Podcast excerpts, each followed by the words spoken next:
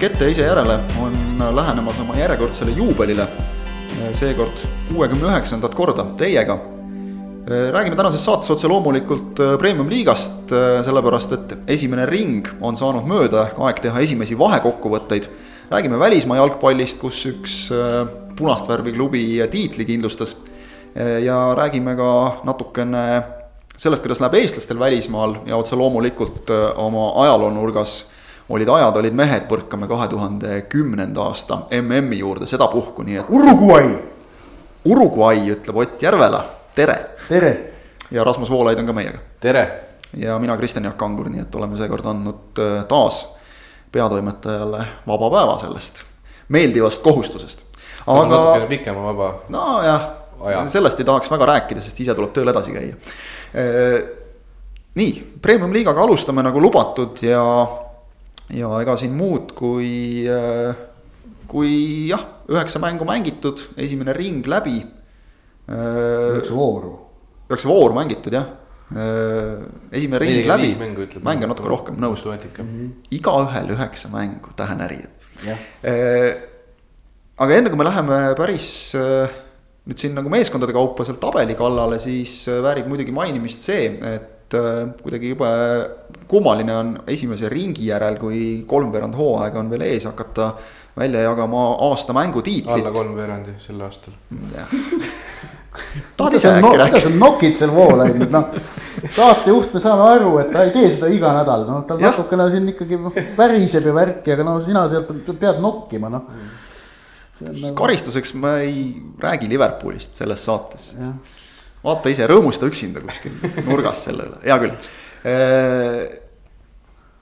Üks, ma nüüd mõtlen, et täpselt sõnastaks, et jälle ei sekkutaks, ühesõnaga üks ring on mängitud ja hakata siin jagama nagu aasta mängutiitlit tundub vara, aga samas see, mida ikkagi korraldasid Trans ja Levadia ja Narvas kaheksa väravat äh,, nagu selliste mängude juurde tihti käib, seal peab olema ilusaid sooritusi, seal peab olema väga koledaid, väga halbu sooritusi, see annab vürtsi. Väga naiivset ja, ja jaburat kaitsetööd, punaseid kaarte, antud penalteid, andmata penalteid kõike ühesõnaga vaatemänguna, võib-olla mitte nagu jalgpallilises mõttes, see ei olnud nüüd kõige kõrgem tase. ja kindlasti seal ligi kolmkümmend soojakraadi mängis oma märkimisväärset rolli selles, et mõnel mehel ka tundus, et natukene lihtsalt juhe jooksis kokku aga neli, neli viik on, see on midagi harukordset, eelmine aasta meil kõige crazy mäng ilmselt oli see Tammeka Trans kuus-neli on ju. Jah, vist jah, kas oli ka aasta mängu nagu ametliku tiitli sai meie aasta lõpu hääletuses.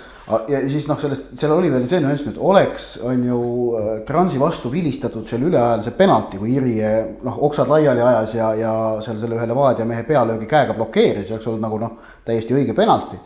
ja oleks Levadia selle ära löönud, siis oleks nad võitnud on ju viis-neli ja noh, see oleks muidugi meelde toonud selle legendaarse Levadia Flora mingi seitse-kaheksa aastat tagasi Kadriorus, kui, kui ka Levadia võitis üleaja penaltist viis-neli selle mängu. see oli vist see, kus Morozov sai kolm penaltit. just, oli kolm penaltist hat-trick'i on ju ja et, et, et noh. vist lisas omakorda keskkaitse kübaratrikk penaltitest omakorda no, võlu. jah, jah, aga noh, ühesõnaga, et noh, neli-neli on ikkagi noh, niivõrd haruldane skoor jalgpallis, et see on juba sellepärast väärib nagu märkimist.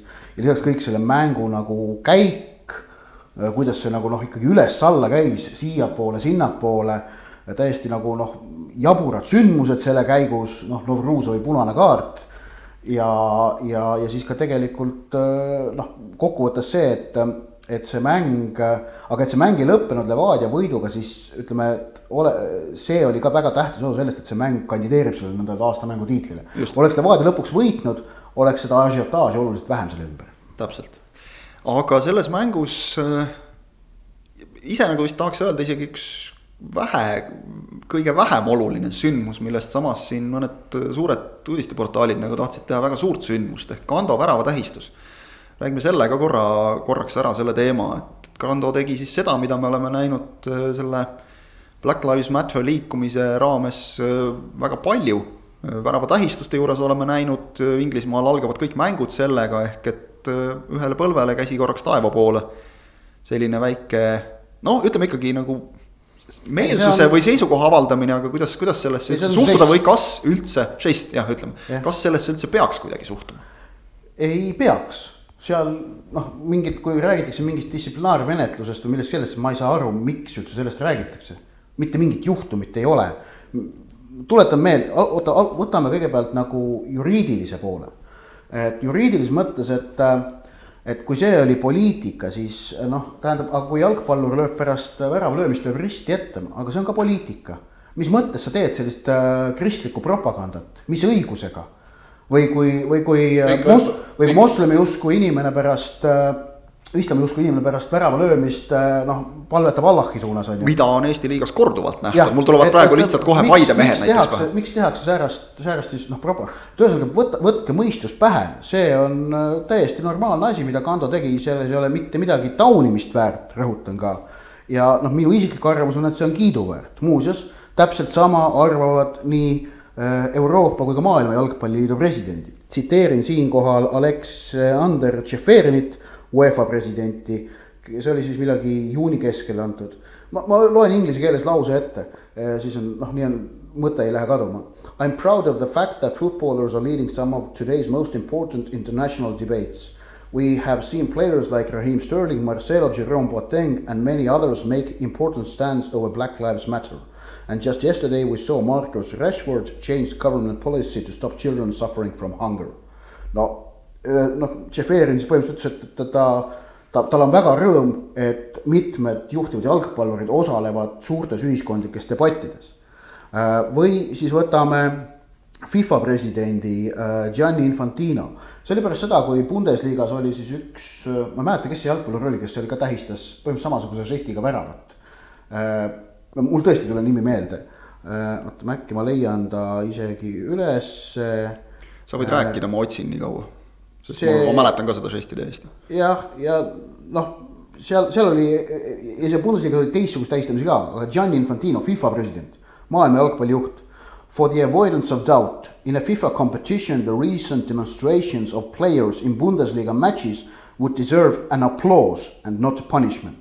ehk et FIFA seisukoht on see, et äh, säärasele äh, teemale tähelepanu juhtimine mängijate poolt äh, väravat tähistades väärib aplausi, mitte karistamist ja kui nüüd Eesti Jalgpalliliit mingil imelikul põhjusel, mida ma ei usu, et nad teevad, no ma usun, et tegemist on nagu mõistliku organisatsiooniga, jätku, kohe siiralt usun, siis äh, noh, läheks nagu selle, selle kõigega, mis nagu maailma jalgpall on ka öelnud vastu, vastuollu, siis see tekitaks Eesti Jalgpalliliidule muuhulgas ka juriidilisi probleeme. ma täiesti nagu, ma mõtlen suhtluses FIFA ja UEFA-ga.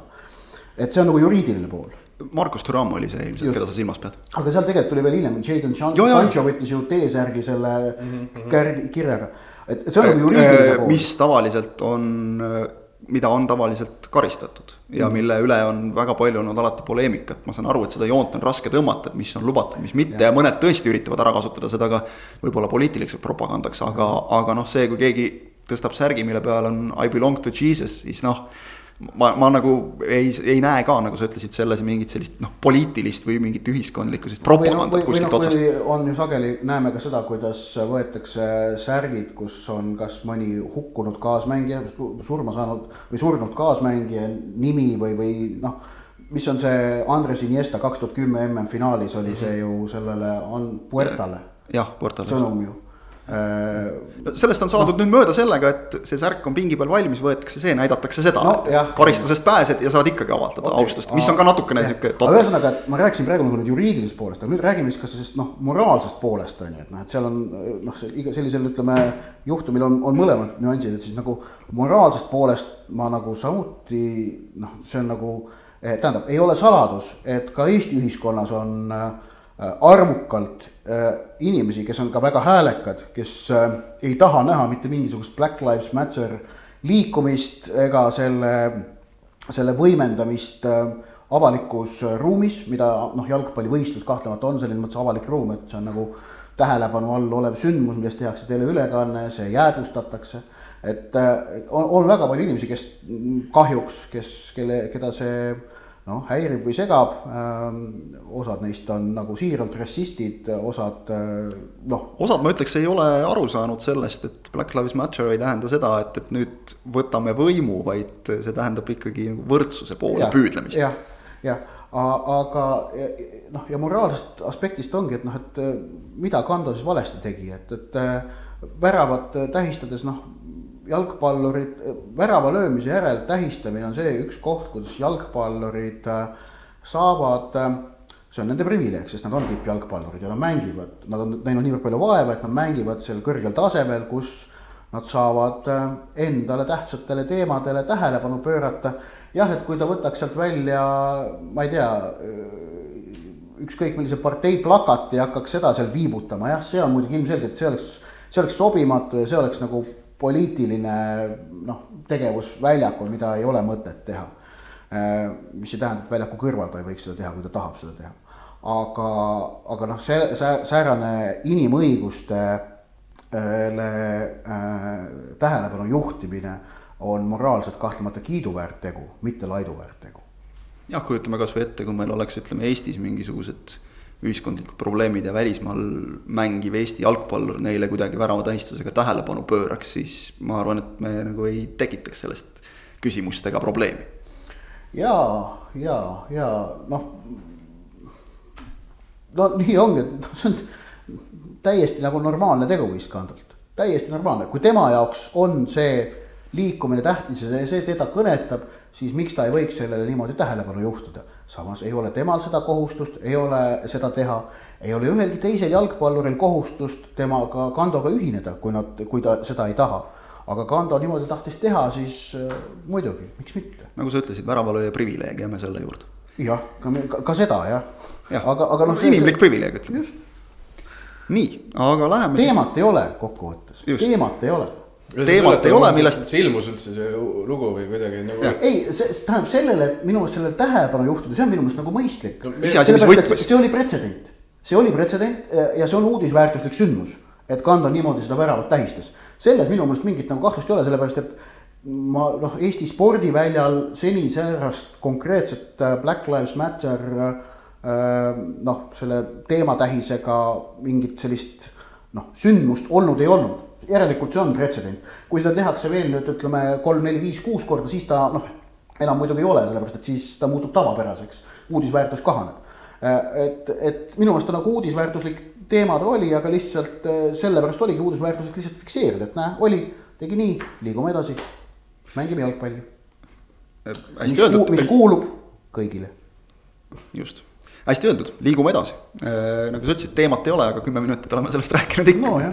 räägime siis nüüd teemadest, mis on. Äh, ega midagi, hakkame selle premium liiga tabeliga otsast minema. Äh, FC Flora. üheksa mängu, kaheksa võitu, üks viik ka kogemata sattunud sinna hulka. seitse punkti edu Paide ja Kalju ees. kaheksa punkti edu Levadia ees, viis väravat sisse lastud ei ole, ei ole paremat kaitset, ei ole kellelgi, Kaljul on sama, ka viis tükki. ise löödud kakskümmend viis, parim rünnak, Rauno Sappinen, parim väravakütt, me siin eelmises saates äh, just nagu jõudsime ikkagi sellele järeldusele, et Flora masin küll praegu töötab väga hästi, aga sinna tuleb tõrkeid sisse äh, no,. mille pealt võiks tulla? Jah, sellepärast, et noh, praegu ma ütlen, mis minul nagu nädalavahetusel oli, et ainukene Premiumi-liiga mäng, mille vastu ma tõesti siiralt mitte mingit huvi ei tundnud, oli Kuressaare Flora. et ma nagu ei mõelnudki, et kas ma nagu seda hakkan vaatama mingil moel või mitte, vaid ma noh. mul oli, minu aimdus ütles, et äh, seal tuleb lihtsalt Floral võidu vormistamine ja noh, täpselt nii ka läks. ja see eristabki praegu Florat äh, ülejäänud medalinõudlejatest et Levadia, Kalju ja Paide ei ole nii võimsas hoos, et läheksid Kuressaarde vormistama äh, või läheksid Kalevi vastu vormistama, aga Flora on. mina, ma kuulasin teie eelmist saadet järgi, kuna ma ise ei teinud seda, siis äh, sel teemal mõtlesin ka kaasa. et kui kuskil on Floral nõrk koht, siis on see juhul, kui üks, kumb äärekaitse peaks vigastada saama, et see see on ainus koht, kuhu neil ei ole asendajat võtta põhimõtteliselt, kõik muud või positsioonid väljakul on arvestataval tasemel kaetud ka pingil. et kui näiteks äh, Hussar sai nüüd debüüdi Lillanderi vastu, tuli vahetus sisse, kui Järvelaid vigastada peaks saama, siis ei ole sinna kedagi panna, aga see on ka väga suur kui. ja, ja küll nad selle, selle mure ka nagu ära katavad, mina nagu muud probleemi Floral ei näe pigem jah, ongi nagu see, et, et. Nagu Lillander nagu... saab ju mõlemat äärekaitset. Lillander saab mõlemat äärekaitset mängida jah no,. aga noh, see on nagu ainuke koht, kus ei ole tõesti nii meeletut sügavust, sest et muus osas on täpselt nagu siin nüüd äh, tihe graafik on ka näidanud, et. no ei ole teistel meeskondadel pingi pealt sellist materjali võtta, nagu Floral on. see on, see on Flora suurim trump, eriti hetkel siin noh, kui nagu nüüd ka on olnud väga palavad ilmad äh,. täpselt Konstantin Vassiljevile vahetust vaja, võtadki mehe kuuekümnendal minutil välja lihtsalt. Nad võitsid neli-null niimoodi, et väljakule ei tulnud Frank Liivak, Markus Soomets, Platsi, Sinjavski, Henri Välja ei mahtunud koosseisu noh no, jah. ja ühele mehele andsite müüdi ka veel. millest me nagu räägime, eks ole, et, et siin, siin on raske näha, kust ja ütleme nii, et Flora võib ju komistada. aga kui vaadata neid, seda punktivahet, mis ma siin lugesin, seitse-kaheksa punkti, noh siis see näitab, et Paide, Kalju, Levadia. Nemad, näha, et nemad nüüd edaspidi ei komista. On ka üpris raske. aga muidugi õnneks on see hooaeg veel piisavalt pikk ja me oleme näinud siin ennegi, kuidas suuremaid vahesid tagasi mängitakse jaa äh,, kindlasti. meeskond lõpus hakkavad kõik omavahel ka kõvasti mängima. jaa, see ka kindlasti veel, seal tulevad, seal neid Kuressaare neli-null, eks ole, Florale ei tule ka enam. just äh,. Paide linnameeskond tõusnud tabelis teiseks ja nagu sa Ott sõnastasid pärast mängu Leegioniga nädalavahetusel, et see ongi Paide koht tegelikult praegu, kui me nii-öelda vaatame nagu seda premium-liiga tabelit vormitabelina. jaa, ehk et mänguliselt, mängulise veenvuse mõttes jääb Paide hetkel alla ainult Florale, aga on Levadiast ja Kaljust äh, veenvam. mäng Leegioni vastu oli minu meelest selles mõttes hea näide, et äh, nad ei olnud, Paide oli esimesed kakskümmend, kakskümmend viis minutit oli üpris nagu suurtes raskustes minu meelest, ei saanud mängu käima.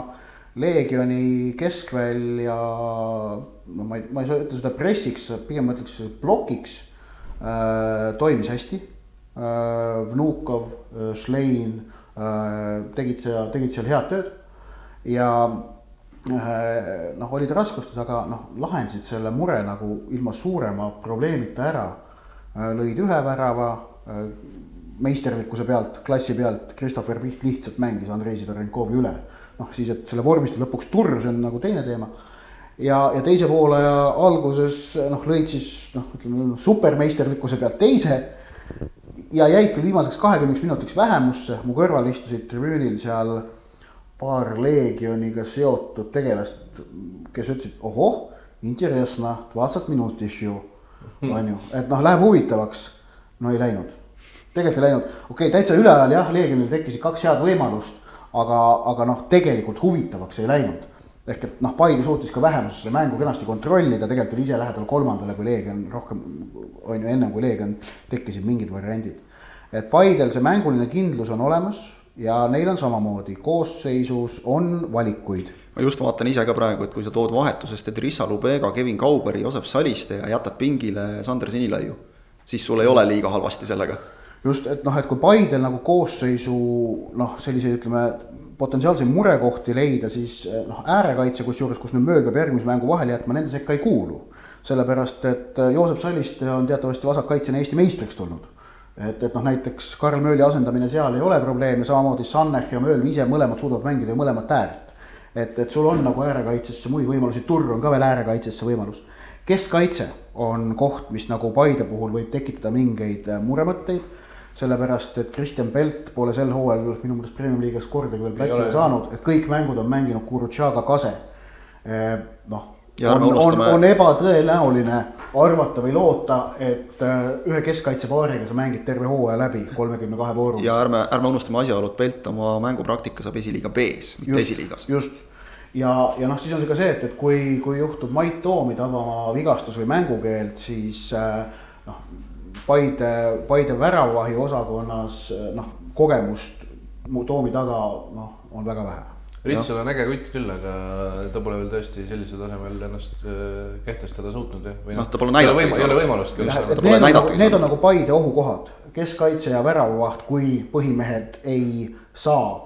Äh, nüüd jällegi, ma ei kahtle nagu Peldis, sest kui Pelt eelmine hooaeg asendas Kaset, sai ta väga kenasti hakkama aga praegu on ikkagi häda selles, et ta viimane premium-liiga mäng on mullu novembris ehk et või novembris või, või oktoobris ehk et noh, kaheksa kuud tagasi selle mängu kõige huvitavam asi lisaks Mööli väravale ja punasele, ma arvan, oli Deniss Belovi arvamus pärast mängu, et nad mängivad, mänguliselt on esiviisik, esikuuik, kuuiku tase. sellega ma nõus ei ole, mina ka ei ole nõus, sest ma nagu noh, ma saan aru, mida ta mõtleb, et mängivad korralikult, aga, aga kellest ta siis nagu mööda tahab ennast tõsta selles tabelis, ma ei näe, et nad on tulevikus Tammekast, tulevikus nad ei ole paremad. ainult Kalevist on paremad mänguliselt ja seda selgelt, aga, aga teistele, teistele kõigile jäävad alla minu aga arust. mida Belov ütles mulle pärast mängu, ma ajasin temaga kaks sõna niisama juttu, mitte nagu ei teinud intervjuud, siis ta, siis ta märkis, et, et tema poolkaitselt senise hooaja parim esitus. Millele tingimata ei, millele ma ei tikkunud üldse vastu vaidlema, ehk et noh, muidugi on see, et tema peab otsima oma meeskonna mängus neid positiivseid märke. ja, ja noh, mingeid neid seal Leegioni selles mängus Paide vastu minu meelest ka oli, kuigi me nüüd läksime Paide pealt sujuvalt Leegionile, aga noh, vahet ei ole et äh, mingeid neid seal oli äh,, aga noh, et nüüd on, nüüd on ikkagi vaja, et kas need äh, noored kutid nagu noh, Danil Pankov siis Leonid Arhipov, kes on nüüd kaks mängu mänginud ja noh, sümpaatne olnud. okei okay,, ei löönud üks-ühte Toomi vastu ära, aga noh, pole hullu, teine mäng kõrgliigas äh,. et kas nad suudavad hakata nüüd nagu noh, kuidas öelda, otsustama Eh, ma ei ütle kohe mänge, aga esmalt selliseid üksikuid episoode, olema seal see nõnda öelda domineeriv osapool duellides äh, piisava äh, sagedusega. see loob eeldused ka selleks, et nad hakkavad äh, lõpuks ka mänge otsustama. Leegion on tegelikult ühes arvestuses ongi premium-liiga viies, sisse lastud väravad, kaksteist. Floral ja Kaljul viis ja Paidel ja Tammekal üksteist. Aga loomulikult, kui sa ise, kui sa ise oled löönud üheksa mänguga kolm väravat ja nad on nüüd äh, Kuival, kui ma ei eksi, Kuus kaks, järjest. kolm, neli, viis Kuus., mängu järjest, jah, Nõmme Kalju, Nõmme Kalju löödud värav oli viimane. võõrsil võitsid, pole nad väravat löönud. pidi kuuest kuus võitma, aga pole selle mängu aja jooksul ühtegi väravatki löönud. just, see oli see, mida Šaatov ütles, kuuest kuus võitu, aga tähendab. ja samas, samas kuue mänguga on lasknud endale lüüa kuus väravat Jah.. kaks nulli, kaks nulli mängu kaasa. Leegion, Leegioni kaitsemäng ongi tegelikult täitsa korralik. on, ja nende väravat on väga hea. jah, et, et võtame kaksteist väravat üheksa mänguga kõrgliiga uustulnukale, väga normaalne tempo. kui nad seda suudavad hoida, siis noh, nad välja ei kuku. aga noh, jah, nad peavad ise resultatiivsust suutma tõsta. jah, eks me sellest Leegioni rünnaku probleemidest oleme ka palju rääkinud, et vaatame, kas nüüd suvine aken toob sinna lisa, no peaks tooma igasuguse loogika järgi kedagi kuskilt. sest et ma sain aru, et pigem noh, noh Albert Prosast noh, ütleme nii, et see Leegionil on selles mõttes vaja teha ideoloogiline valik. kas, kas tuua mõni kogenud ründaja, näiteks Albert Prosa või keegi muu. või siis kellega noh, löödaks ilmselt natukene rohkem väravaid ja saadaks tabelis äkki koht või kaks lõpptabelis ühe või kahe koha võrra kõrgem koht või siis mängitada see hooaeg ikkagi sisse oma noori ja uskuda ja loota, et, et nende panus on piisav, et liigakoht säilitada ja järgmine hooaeg nende samade noortega võib olla hoopis kõvem, kõvem sats. nojah, nii ideoloogilises plaanis muidugi tahaks nagu suunata Leegionit sinnapoole, et valige see teine variant, see on vahva. nojah, ja aga Liipov on tõsiselt äge vend, mul on kaks väga korda näinud, väga vahva mängija. noh, selliseid sealt ilmselt on tulemas veel ja veel ja veel, sest seda No. on aeg näidanud, et Leegionist neid äh, Artjuhevi poisse, neid sealt tuleb. kolmas koht tabelis äh, Nõmme Kalju, kuidagi nagu Kalju ei ole mingites mängudes olnud üldse veenev aga teisest küljest, kui sa ikkagi oled nii palju punkte kogunud, sa seal kolmandal kohal oled, siis mingeid asju on õigesti tehtud. Tammeka vastu aega võttis, tagasilööke tuli ka päris palju, näis, kui tõsiseks need kujunevad, Pedro Victori vigastus. Sander Puri vigastus, need võivad äh, just arvestades seda, et Kalju pingil tegelikult hirmus palju sügavust ei ole. Võivad neile kujuneda päris tugevateks tagasilöökideks, kaits, keskkaitse positsiooni osas on sügavust. seal on okei okay. Neil on neli keskkaitset satsis tegelikult, et, et selles mõttes Saavad hakkama. tihti platsilegi või koosseisugi.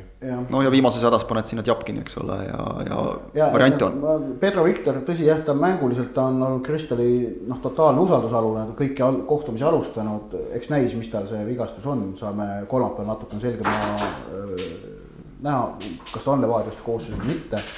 Sander Puri noh, see vigastus oli tal muidugi noh, selles mõttes väga noh, õnnetu ja, ja kergelt jabur, põhimõtteliselt sai palliga kuskile vist kuklasse, mille peale kaotas teadvuse ja siis seetõttu kukkus niimoodi, et vist põlv ja puus, ütles ta mulle pärast mängu on valusad, noh, seal läheb ilmselt natukene aega, kuni saab täpsema aimduse, mis see oli.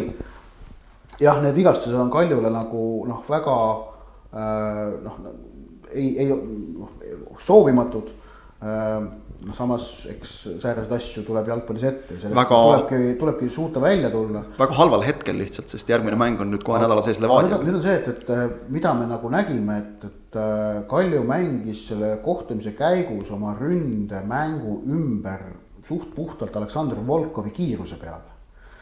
ja, ja kuna see Volkovi kiirus oli Tammeka jaoks selge probleem äh, ma ei ütle sellepärast, et Volkov lõi värava, vaid tegelikult oli see, et tema seda Tammeka noh, kaitset ja, ja keskvälja meil kikivarvul. et kas nagu Kalju ei peaks äkki rohkem sellele Volkovi kiirusele panustama ja oma, oma ründemängu selle peale kuidagi sättima. et kui ma hakkan mõtlema, kas Amir Nato oma osavate söötudega võiks leida ja õigeaegsete söötudega kaitseliini taha sööstvat äh, Volkovit et, et äh, äkki on see lahendus, mis Kaljul on seal see, et ründajat ei ole. et äkki see lahendus ikkagi on olemas Volkovi näol. see on huvitav jah, et. ja nüüd, nüüd kolmapäeval Levadia vastu. no Volkov alustab, ma olen üsna kindel. et noh, panna Volkov seal keskkaitsjate vastu lippama, miks mitte see on huvitav jah, et ei ole, ei ole nagu proovinud seda lahendust tipuründes, sest kui ta Sillamäel väravaid paugutas, siis ta oli ju suhteliselt puhas tipuründaja ja, ja ja on, on näidanud, et ta võib seal mängida, et, et nagu pigem eelistas selline NATO-d, kelle jaoks see nagu tundub oluliselt ebamugavam positsioon kui, kui Volkovi jaoks. jah, tal no, ei ole seal seda loomisvabadust, mida tal, talle meeldib nautida keskväljal. kui sa tood NATO allapoole sinna keskväljale, siis sa nagu keskväljal loovutad seda võimsust, sellepärast et NATO on see, kes ke,, ke, kes kaitsefaasis, keda hakatakse ära kasutama, on ju et noh, see, see on ka nagu selge. keeruline sättimine kindlasti Kristali jaoks ja, ja noh, eks see ongi nüüd ka üks see asi, mis eristab, eks ole, just Florast Paidest Kaljut Levadiat, et uus peatreener, natukene uued ideed, käigud. aga kui praegu ikkagi vaadata tabelis on nagu vahepunkt Kaljul ja, ja Levadial. aga samas Levadia probleemid just nagu viimaste mängude valguses on järsku kasvanud kuidagi pealtnäha ootamatult suureks Mm-hmm. Narvas äh, noh, hea küll. no ikkagi kaheksa väravat kahe mänguga, noh, see on Levadia jaoks ikkagi no sürreaalne värk. ja, ja okei okay,, seal Narvas, Narva mängu vaadates seal ka mingi osa saab kindlasti panna lihtsalt individuaalsete eksimuste arvele. kasvõi näiteks Transi teise värava, kus noh, kuidagi joosti nagu omadega täiesti kokku ja Markus Jürgenson söötis lihtsalt tühja värava ees olnud Geoffrey'le jala peale ideaalse palli. Markus Jürgenson, kes noh kui peaks premium-liigast valima nagu sellist kindlat kaitsjat, oleks ma usun, meil kõigil esimeste valikute seas, ehk et noh, see mees ei tee selliseid asju lihtsalt, kas nüüd oli mingi palavus, midagi üks, muud. üks mastaapne error meenub mulle eelmisest või üle-eelmisest aastast, kui ta otsajoone tagant auti viskas ta on ühe korra vähemalt elu jooksul varemgi kokku jooksnud. no võib-olla siis see selle hooaja see üks kord nüüd, kus, kus juhe kokku jooksis, et no juhtub. aga noh, selliste asjade vastu treeneril nagu taktikalises plaanis on väga raske midagi teha aga ikkagi nendes kahes viimases mängus nagu kuidagi tundub, et, et no ikkagi see kaitsetöö ei klapi nagu. võistkondlik ebakindlus, kui sul, kui sul lüüakse kahe mänguga kaheksa väravat, siis see on äh, võistkondlik äh, ebakindlus. seal, seal nagu nii lihtne see ongi. mäng, kus Levadia lööb äh, kõigepealt minuti järel posti ja siis kolma, kolme minuti järel värava igasugune loogika ütleb, et Trans on nagu jälle löödud käpuli ja, Levadia siit läheb ja selle asemel äh, kuueteistkümnendaks minutiks on seis kolm-üks Narva Transile. no täiesti ikkagi käsitamatu asi, ausalt öeldes. jah. ja, ja, ja kusjuures seal oli neid võimalusi veel, et noh, Levadia lagunes nende minutite jooksul ikka täielikult see üks kaader Martin Reimist võtab hästi kokku. jah, see oli pärast kolmandat väravat, kus ta seisis äh, noh, väljaku ääres plakati taga ja näos oli, ma kujutan ette tõesti sisimas ka sügav hämmastus, mis toimub. sest et äh, see, mismoodi noh, okei okay,, üks oli see individuaalne eksimus, teine oli, oli siis Nurlan Novruzovi see kolm-üks värav, kus ta võt-, sai äärelt äh, hea diagonaalsöödu, võttis selle alla lihtsalt äh, jooksis läbi põhimõtteliselt kogu Levadia kaitseliini vahelt, oli järsku äh, värava ees üksinda Kotenkoga silmitsi ja lõi ära. okei okay,, individuaalselt väga hea sooritus, aga Levadia-sugune meeskond ei saa endale kaitses selliseid asju lubada. ja tegelikult mina isiklikult ütleksin isegi, et, et äh, kui jätta kõrvale see Novruzovi noh, lollus, punane kaart, mis oli selge ülekeemine kuidagi noh, inimlikult võib nagu aru saada sellisest reaktsioonist ta oli enne ka raiutud päris mitu korda. aga sa ei saa niimoodi jalgpallurina käituda, sa vead oma meeskonda alt sellega. siis äh, ilma selleta ma pakun, et Trans oleks selle mängu kindlalt võitnud, sest Trans mängis tegelikult väga hästi. ja minu jaoks isegi suurem probleem no Transi puhul kindlalt ei saa kunagi. jah, just ma tahtsingi öelda, et ei, ma ei julgeks öelda seda okay. kindlalt võitnud, et. aga äh, minu jaoks, kui ma oleks Reim, siis mind paneks veel rohkem kukalt kratsima see, et äh, äh okei okay,, vastaseid jäid kümnekesi, sa kasutad selle ära, tuled mängu tagasi. saad selle mängu justkui enda kätte. juhid neli-kolm. Lähed neli-kolm ette. sa oled selle töö ära teinud ja siis lased ikkagi vastu lüüa. minu jaoks see oleks nagu vaata, et veel kus, suurem probleem. kusjuures see neli-neli värav, mille Joffrey siis vähemusest lõi, ei olnud juhus. see ei olnud mingi juhuslik šanss, vaid tegelikult oli Trans suutnud ikkagi juba enne seda, kui, kui see viigivärav tuli veel kaks, kolm, neli sellist päris ohtlikku rünnakut ette võtta, isegi paar momenti tekitada et see oli tegelikult nagu noh, mänguliselt üpriski loogiline, et Trans selle neli-neli värava lõi. minut enne oli Geoffrey'l väga hea võimalus just, tegelikult. jah ko, kohtumise lõpus jah, oleks pidanud äh, Levadia saama penalti, millest nad oleks võinud viis-neli võita, aga äh, see nagu noh, see, see, see, see on nagu teine teema. aga, aga jah, et, et äh, see ja ma arvan, et ei ole küsimus selles kaitseformatsioonis, et kas see on nüüd seal, on seal taga kolm keskkaitsjat või kaks ja mängitakse neljase või viiese liiniga. et seal on ikkagi mingisugune võistkondlik ebakindlus, ma jään selle juurde, et muud moodi sellised asjad ei juhtu, et sa lased endale kahe mängu kaheksa ja kolme mängu kümme ja. ja noh, et neid väravaid tuleb nagu igasuguseid tegelikult. viie, viiest mängust on üks võit ja kui ma ei eksi, siis kõigis neis viies mängus täpselt ei ole osalenud Robert Kirsi, kes enne seda oli selle meeskonna täielikuks liidriks tõusnud. ründemängu liidriks just. noh, ja, ja noh. rääkides nagu. ei ole juhus, ma arvan. jah, ja noh, ja siis rääkides ütleme individuaalsetest nagu probleemidest, siis äh, mille pealt, miks, miks on Flora, mis on suur osa Flora enesekindlusest? Rauno Sappineni väravad. mis on suur osa Viljandi tuleviku viieteistkümnest punktist ja viiest võidust? Pavel Maarini väravad äh, Paidel okei okay,, jaotuvad väravad ühtlasemalt, aga suur osa nende mängust on, on Siim Lutsu noh, kvaliteet ja teravus väravate ja söötude näol. Äh, Levadias peaks seda pakkuma Manuccio.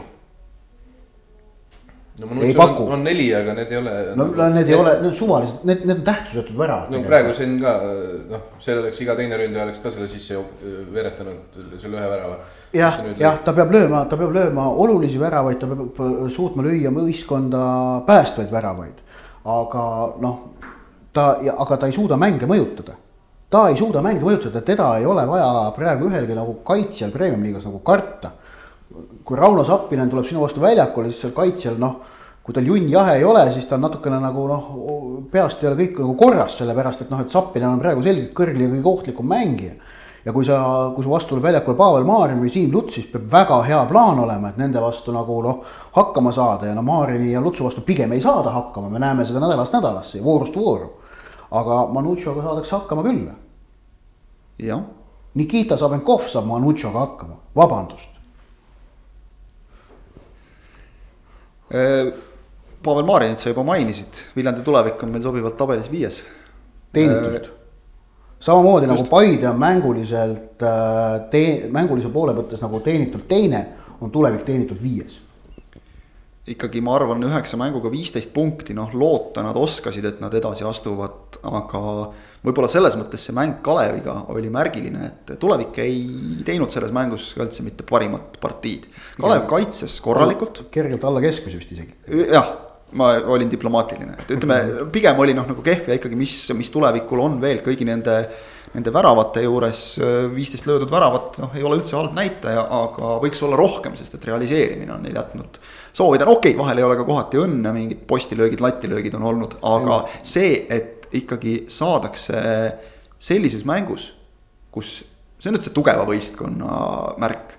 sellises mängus, kus noh, esitus on selline viiepallisüsteemis kolm miinus võib-olla ikkagi kätte täiesti ilmselgest vaieldamatust penaltist, mis tuli sellest, et pall mängiti karistusalasse piisavalt hästi, et Kalevi mehed jäid hiljaks. ja, Marek Kaljumäe tegi vea, eksis. see on see noh, vastase ärakurnamine. just, see näitab ikkagi tegelikult meeskonna noh, vaimset tugevust. muidugi on lipsanud sisse ka selliseid need, mis nad Nõmme Kalju käest said, null kuus vist, eks ole. Jaa. see teeb nagu tabelis nii-öelda väravate vahe koledaks, aga noh. Jällegi neist olukordadest on ka tõustud. mitu väravat Kaljule löödud on kokku?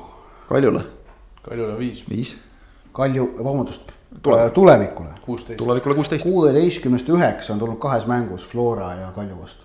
noh, võta need maha, eks ole, ja noh, on seis palju parem.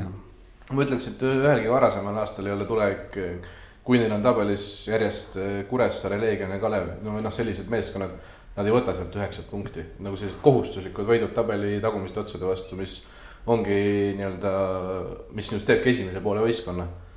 ja selle vahe, teeb vahe sisse tagumise esimese poole vahel, tulevik ei ole kunagi nii kindlalt neid tagumisi peksnud ja nüüd väravate vahega siis üheksa-üks räägib enda eest. vaadates tulevikku, siis seesama liidrite teema, mida sa rääkisid, ei ole ju tegelikult tulevikul praegu ainult Maarin. Tulevikus on neid liidreid on tegelikult nii-öelda pool platsi täis, Karl-Lomet Nõmm on tõstnud oma mängu ikkagi ma ütleks järgmisele tasemele. Herolil ei ole olnud hetkel parim periood, mis iganes põhjustel. aga samas äkki nüüd see realiseeritud penalti annab talle natukene enesekindlust juurde, sest me teame, ta on selline hästi noh, hea emotsiooni pealt hästi mängiv, mängiv mees. Kristjan Kask tooksin mina esile. kindlasti. Kass, kes on ka selles mõttes asendamatu mees, et ta täidab ära väga hästi oma rolli keskväljal. ja samas, kui nüüd oli siin Kaimar Saag vigastatud või kui Saagil ei ole parim päev, nagu nüüd näiteks oli Kalevi vastu. siis äh, annab Kaske mängitada rahumeeli rünnaku tipus. selle jaoks oluline mees, noh Tanel Langi tugevustest me oleme ka juba rääkinud, kes on minu meelest teinud sammu edasi täiesti selgelt, on äärekaitses Martin Allik just, ma tahakski Allikut kiita, mees, kellest me ei räägi üldse kunagi, aga on alati seal parem kaitses ja no super, super parem jälg on tal. see, mida ta näitas ka nüüd selles mängus Viigi väravale tsenderdust andes, see oli ikka suurepärane pall. Ja ühesõnaga siit me olemegi juba pool meeskonda kokku lugenud ja me ei ole isegi Sander Kapparit maininud veel üldse, nii et, et. või Kai-, või Kaimar Saagi. nojah, või saagi, eks ole, kes on ka mingites mängudes olnud just nimelt see nii-öelda otsustaja mees. Leegion, kes millegipärast veel ei ole vaadanud Leegioni, seda Leegioni vastu tuleb ka avaväravat, siis palun kiiremas korras. ja kes on vaadanud, minge vaadake uuesti, nii ilus on lihtsalt. et jah, tulevik on, on, nende mängu on noh, huvitav ja kaunis vaadata, tõsi, me noh, sellest on ka siin korduvalt öeldud, et, et kui neil koosseisust hakkavad tulema äralangemised, siis see on see koht, mis nagu tekitab äh, muresid, aga noh, neil on praegu juba päris kena puhver tekitatud ja ja puhver ühes mõttes nagu siis ütleme noh, puhtalt punktiliselt tabelis, aga teisalt ka siis ütleme niimoodi sellist äh, pean silmas sellist nõnda öelda vaimset puhvrit, et äh, see noh, enesekindlus, mida need võidud kahtlemata on võistkonnale andnud, on, kandub edasi ka väljakule kindlasti. mängitakse julgelt, mängitakse isukalt, mängitakse ahnelt ja, ja usutakse enda võimetesse. see võib-olla ongi see suurim muutus, et äh, mis, mis ma julgeks öelda, on paljuski ehk just tulnud Mariniga, et äh, see. see usk, et me suudame küll, sest Marin on mänginud eluaeg sellistes võistkondades, kus noh, ta, ta teab, et. et äh, suuri asju annab teha, ta on kogenud seda ja teinud ka. Tartu Tammeka on tuleviku selja taga tegelikult äh, vahet nagu tabelis neli punkti, aga kui ma nüüd siin vaatan seda, et, et Tammeka väravate vahe seitse, üksteist noh, midagi need numbrid ikkagi nagu näitavad, see seitse, seda on ikka vähe. Kaido Koppel reede õhtul mulle Tartus seda ütleski, et, et arvestades neid võimalusi, mis meil on ja tekkinud, me peaksime lööma rohkem väravaid ja noh. See on ilmselgelt ongi Tammeka probleem ja miks nad ei ole tabelis viiendad, on ju see, et nad kaotasid Kuressaarele ja Kalevile ja noh, nendes mõlemas mängus ikkagi eriti Kure vastu minu meelest oli see, kus noh. realiseerimine oli, oli, oli selgelt nagu probleem ja, ja noh, Tammeka otsib seda stabiilsust minu meelest ikkagi veel, et noh, mingid asjad nagu mängust on, õnnestuvad päris hästi noh, mingitest asjadest jääb puudu, et noh, ja siis natukene ebaõnne ka, et noh, ikkagi Igor Tudorev jättis mitu kohtumist vigastuse tõttu vahele. nüüd Kalju vastu, kui oleks teda väga vaja olnud seal keskkaitses, oli võistluskeelu all. et noh, selles mõttes Tammeka jaoks nüüd see, selle nädala voorumäng Paides on on selline noh, natukene nagu tõestamise koht minu meelest, et, et nüüd need Flora ja Levadia vastu viigid on, on olemas, aga nüüd oleks vaja seal nagu tabeli keskele just nimelt äh, selle siis Paide ja Paide käest ja noh, okei okay,, Kalju käest ei saadud, et kui Paide käest ka punkte ei saada järjest, siis nagu noh, natukene hakkaks, ma ei ütle, et ärevust, aga noh, midagi sellist noh, siis, siis nagu asjad ei klapi nii nagu vaja. aga siis nagu, et, et nagu Tammekast mitte negatiivselt rääkides, ma tahan kiita ka, et ma, mulle endiselt äh, jah, ta Kalju vastu ta kõige õnnestunumalt ei mänginud, aga, aga Mihkel Järviste mäng mulle meeldib üha rohkem ja rohkem ja, ja see on nagu äh, äge vaadata, kuidas ta seda kõrgliigat üha rohkem valdab ja enda tahtmise järgi suunab. Me... nii-öelda noogutus, mis meil siin ühine kolmekesi tuli praegu pärast seda Järviste kiitust oli, oli kõnekas. Ja, ja kui me vaatame nüüd tegelikult seda, et Tammekal tabelis noh, me räägime siin see mure, teine mure, aga tabelis ikkagi tegelikult praegu üksteist punkti ja, ja kuues koht. see ei ole üldse halb, arvestades, kuidas neil on siin eelmistel hooaegadel läinud, nii et pole viga punkti kaugusel seitsmendal kohal Tammeka selja taga Kuressaare. kelle puhul noh, vist võib ikkagi selle senise hooaja nagu lahterdada võib-olla natukene nüüd nii, nii liiga nagu lapiti lüües, aga enne Otto Robert Lipu vigastust ja pärast. kuidagi nagu natukene kipub nii olema. jah, enne, enne vigastust. esiteks on see kolmes faasis tegelikult, enne kui Otto Robert Lipp algkoosseisu edutati, esimesed mängud siis kui Otto Robert Lipp mängis ja siis, kui ta vigastada sai, see keskmine periood, kuldne periood, sealt nad said kõik oma kümme punkti. enne ja pärast peaks olema null. Et mingi väga olulise käigu ikkagi Kuressaare mängust äh, lipu puudumine võtab ära ja, ja mulle tundub, et hetkel sellele asendust ei, ei ole leitud, see ei tähenda, et ei pruugitaks leida, sest tõesti, me räägime siin ju ikkagi praegu kokku üheksast ja, ja isegi praegu nüüd pärast lipu vigastust ainult mõnest mängust.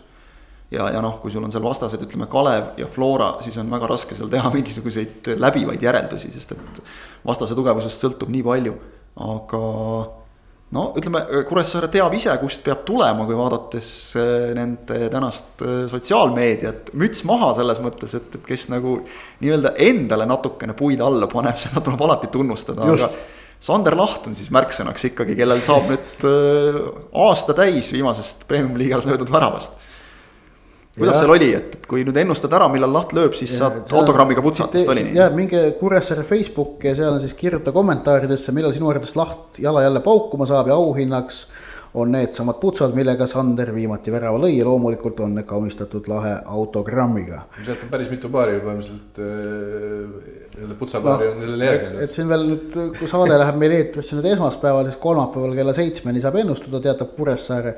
aga tegelikult jah, et, et, et säärast nagu noh heas mõttes nagu nalja enda üle suudetakse teha.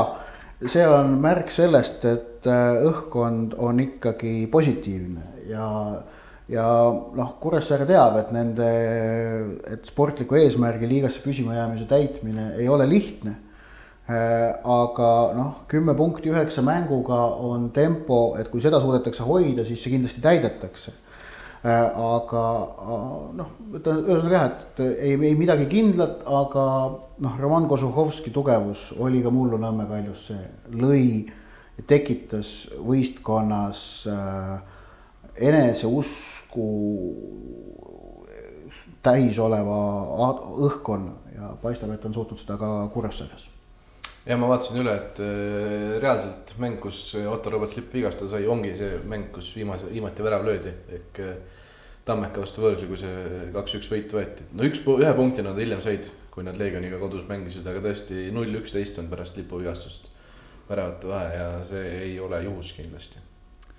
ja samas, kui vaadata praegu seda, et kui Kuressaare peaks jääma sinna tagumisse nelikusse, kus hetkel oleksid siis nemad, Kalev, Leegion ja noh, praegu ka Trans, aga ütleme, kui me eeldame, et Trans sealt näiteks välja tõuseb ja see, seal oleks nagu Tammeka näiteks, siis noh ikkagi seni Kalevist ja Leegionist on, on Kuressaare mänguliselt olnud, olnud, ma ütleks ikkagi üsna selgelt üle no,. ja. aga esi, esiviisik siis või, esinelik? jah, just, siis on esinelik selle loogika järgi kui Leegionist üle, aga, aga ütleme nii, et, et noh, niimoodi vaadates nagu pikas plaanis äh, ei, ei näe nagu nende pärast eriti muret. Tallinna Kalev äh, Tšekil ja Haid meeskond sel hooajal. Kohati väga head sooritused ja siis sellised, et mitte midagi nagu ei tule. tuleviku vastu võis, ütleme, oli väike küsimärk see, et Liivo Leetmaa viis mehed äh, Tehvandile väiksesse minilaagrisse enne seda mängu. ja äh, noh, kindlasti ta ei osanud äh, aimata, et, et need päevad tulevad pluss kolmkümmend kraadi, et trenni tegemine natukene raskendatud, aga mul on selline tunne, et selle laagri eesmärk oli pigem nagu jah, see oli selline vaimu turgutamise laager, kui nüüd see, et, et seal ma ei tea, teeme kangitrenni või ilmselt füüsist ja, ja tegelikult see ikkagi paistis tuleviku vastu välja ka, et, et mängiti nagu võideldi tublilt nagu, nagu vaimu taha, sellel meeskonnal endiselt ma julgen öelda, midagi ei jää. ka nendes mängudes, kus neil ütleme rünnakul asjad üldse ei suju. ja no kui neil, kui Hannes Anier püsib tervena, siis on Kalevil igas mängus võimalik jõuda väravani ja kui nad suudavad jõuda väravani, on neil võimalik teenida punkte Eh, noh, see, kuidas Anier realiseeris külmavereliselt tuleviku vastu avanenud võimaluse, see oli muljetavaldav. see oli kogenud ründaja tunnus, see oli just nimelt, et noh, et võtame näiteks võtame selle, et noh, Arhipov äh, Paide Leegion mängus, noh sarnane võimalus üpriski ei suutnud ära lüüa. Äh, otsis võimalik, et natuke keerulist lahendust välisküljega väravahi külje alt läbi ette nurka. Anier vaatas olukorra noh fikseeris kindlalt ära, kuidas on kõige mõistlikum sealt väravat lüüa ja noh, Nõmmel polnud varianti tegelikult. tegelikult vist Nõmm oli üsna lähedal, aga samas see näitab ka nagu seda, et Anier lahendas hästi. no see oli tegelikult, see oli tehniliselt Aniert ikkagi kindel sooritus, just tugev löök, noh. Kusjuures see oli tegelikult võrdlemisi keeruline olukord, sest minu mäletamist mööda ta läks üsna otse väravale, mis teinekord teeb selle nurga leidmise päris keeruliseks. Aga ta, ta lahendas selle ära sellise enese, noh, täpselt see, see löök oli selline, et ma olen seda enne teinud, ma teen seda praegu, ma teen seda veel tulevikus korduvalt. Yeah.. Just täpselt klass, enesekindlus ja, ja selle tõttu okei okay,, teisel poolel Marko Pudic tegelikult sai Anieri nullimisega päris hästi hakkama, ütleme, Anier on ka selline natukene jõulisem ründaja, tema jaoks kindlasti see, see ilm oli, oli raskem kui mõne võib-olla kergema kondiga poisi jaoks pluss mm. see, et tal on nüüd kaks mängu ikkagi vahepeal jäi vigastuse tõttu vahele ka, ehk et eh, noh, natuke võib-olla teravust selle võrra jalas vähem. aga sellega olen nõus, et Kalevi mängus väga palju sõltub lihtsalt Anieri olemasolekust, ka see, sõltumata sellest, kas ta ees väravaid lööb, vaid see, kas pall ette pidama jääb, kas see annab ülejäänud võistkonnale aega natukene sekundeid kasvõi puhata, taastuda, asetus jälle üles võtta. see on ülioluline, teist sellist meest Kalevil praegu paraku ei ole, sest tundub, et et Golovjov ikkagi noh, vajab, vajab aega veel, veel taastumiseks. nojah, näiteks mängus, kus Florale kaotati kindlalt kolm-null ja Anier oli olemas, isegi siis neil mingisugused sellised vähemalt siuksed kolmveerand võimalused või noh, et see ei oleks olnud šokk, kui sealt oleks värav tulnud, aga need mängud, kus Anieri polnud, mida ma kahte järjest seda kaheksakümmend minutit vaatasin Kalju ja Kuressaare vastu, no ei olnud, ei olnud isegi nagu lähedal ka. no seal oli, sellest sai vist eelmises saates juttu tehtud, et kui sul on nii-öelda võtmesöödud on, on kaks ja kohale ei lähe kumbki, noh siis, siis ei ole võimalik mänge võita. Leegionist me juba rääkisime piisavalt, ma usun. Äh, oleme jõudnud tabeli viimasele reale, kõige intrigeerivam koht tabelis ikkagi Narva Trans. Noh, ka neist me tegelikult juba rääkisime natukene seoses Levadia mänguga, sest et äh, selles mõttes sümptomaatiline, kõik võimalused olid olemas, tehti tegelikult mänguliselt väga korralik partii. isegi seda saab kiita, et äh, kolm-nelja pealt ei lastud pead norgu. mulle tundub, et emotsionaalses plaanis äh, äkki ikkagi oligi Tšenkovs ka on selle meeskonna jaoks liiga emotsionaalne treener. ja selline mõnus, rahulik kahe jalaga maa peal olev, samas vajadusel kurja häält tegev Oleg Kurovškin on hetkel parem variant sest kuidagi pärast seda on läinud see just see nagu vaimne balanss Transil vägagi paika, aga eh, ikkagi, kui sul üks meeskond teeb esimesel poolajal eh, eduseisus olles sellise lihtsalt emotsiooni reageerimise pealt punast kaarti väärt vea, täiesti vaieldamatu punane kaart. isegi Transi mehed väga ei vaielnud selle kaardi vastu. Seal pigem oli see, et Levadia mängijad läksid nii-öelda sõnu peale lugema ja siis oli väike tõuklemine, aga punane, mis punane, järgmiseks mänguks mees väljas. loomulikult ka jällegi ebaõnn, sellepärast et äh, äh lisaks Novružovile ja Iirile, kellel on ka nüüd kollased kaardid täis ja kes jääb nüüd eemale mängust Floraga. Äh, see, kuidas Ofoso Apiyah teise poole alguses äh, suhteliselt kontaktivabas olukorras, küll nurgalöögi järel, aga sel hetkel kontaktivabas olukorras võttis jälle kinni põlvest kukkus väljakule pikali ja, ja läks küll ära omal jalal, aga väga tugevasti longates, ütleme noh, on vägagi murettekitav vaatepilt Transile. no Abiyah on võistkonna kõige tähtsam mängija. palju oleme sellest rääkinud ja, ja see kehtib vist hooaja lõikes lõpuni välja. ja kuigi Tunkara ja eriti nüüd Joffrey on ennast äh, leidma hakanud, Joffrey on muutunud siin viimase paari nädalaga selgelt ohtlikumaks ründajaks ja. ja on, näitab oma taset paremini siis selline see, et Transil on koosseisuga päris olulised probleemid ikkagi. Šopšenko tuleb nüüd tagasi vähemalt. Nojah, aga no võtame keskkaitses on endiselt seis see, et Nesterovski oli nüüd vigastatud, Abijah on, on, sai vigastada. Äh, noh, ma endiselt ütlen, et Nikita Savenkovi ja, ja Premium-liiga kokkusobivus on minu jaoks nagu väga suure küsitavusega Äh, Kondratsevit paistab, et Kurotškin ja Gruznov praegu ei usalda. Kondratsev viimases mängus oli keelu all okay.. ta sai duublis kollased kaardid täis okay., nii et ta Flora vastu peaks nüüd tagasi olema, kui ma ei okay, eksi. no ju äh, tahaks näha, et mängib, et ta Kondratsev no. tegi ju Leegioni vastu tegelikult selle mängu, kus Trans hoidis taga nulli. oli Kondratsev platsil, jah, ta tegi ühe tohutu kala aga muidu mängis pigem hästi. usuks, et mängib, sest noh, kui puudu sul on Iiri, kui, ma ei tea, kui on puudu Abijah, Nesterovski oli nüüd pingil, noh, ma usun, ta kuidagi tehakse töökorda. et Nesterovski, Abijah keskkaitsepaar on premium-liiga kontekstis väga kõva paar tegelikult. korralik. korralik selline, tabeli keskmiku korralik ja. paar, aga. Aga noh, Transil on ikkagi, tähendab, Transi seis on nüüd see, et, et äh, noh, nende. Poljakov ka muidugi. jah, Poljakov ka muidugi väljas, et, et äh, aga noh, Trans on see, et, et ma ei usu, et nad viimaseks jäävad ja välja kukuvad. Aga muid stsenaariume ma ei välistaks, seda, et nad jäävad eelviimaseks ja mängivad üleminekumänge, ma ei välistaks lõppkokkuvõttes. sest et eh, noh, kuidagi tuleb see masin neil nagu hoopis paremini tööle saada kui seni, aga praegu on seis selline, et mitte keegi Transi vastu ei karda, kui nad platsile lähevad. Äh, jah, nad teavad selle võistkonna tugevusi, aga nad teavad väga hästi ka selle võistkonna nõrkusi ja oskavad neid nõrkusi ära kasutada, sellepärast et kõikides premium-liiga võistkondades on olemas mängijad, kes suudavad neid transi nõrkusi ära äh, kasutada äh, ning ütleme, see suur võitlus on siis noh, transi see, et noh, kas nad mahuvad esikuuikusse pärast kolmandat ringi ja, ja ma pakun, et nad ei mahu. jah, sellest Äh, tabelisse vaadates. tulevikuga miinus kaksteist, Tammekaga miinus kaheksa. lahutab kaheksa punkti hetkel. ja Tammekal on parandamisruumi päris kõvasti, nagu ka Transil. ehk et äh, ma ei usu, et, äh, et, et nad Tammekad kätte saavad, jah. ja Transi järgmised mängud on siis noh, nüüd kaks tükki Floraga, üks neist karikafinaal. seal, sealt võib ka väga palju sõltuda just nagu emotsionaalses plaanis ja noh, liigamänge vaatame, siis järgmised mängud on Flora ja Paide. ehk et tabeli kaks esimest ja ka nagu selgelt väga heas hoos olevat võistkonda, ehk äh, kui minnakse siin äh, juuli alguses keskel äh, võõrsile, mõlemal juhul tuleviku ja Tammeka vastu. üliolulised kohtumised, üliolulised, sealt oleks vaja tegelikult kahte võitu. eeldusel, et nüüd Florat või Paidet ei suudeta üllatada. nii et. järgmisest, järgmisest neljast mängust ei järgmisest neljast mängust ei ole välistatud, et tuleb null, aga ei ole välistatud ka, et tuleb mingi kuus-seitse. Transi puhul ei ole mitte midagi välistatud. kaksteist on välistatud, ma arvan. kaksteist jah, pigem. ei no sellest no mängust Floraga, mis nüüd äh, homme toimub, sellest on Transil ju täiesti savi äh,. Nad panevad kõik panused karikafinaalile, kus laupäeval mängitakse uuesti Floraga. samamoodi täpselt nagu hooaja alguses oli, kui oli Kaljuga oli esimene voor ja kohe pärast seda oli Kaljuga karika veerandfinaal, siis äh, selgelt öeldi välja ka juba enne mängu enne esimest mängu, et äh, meie prioriteet on karikas. just.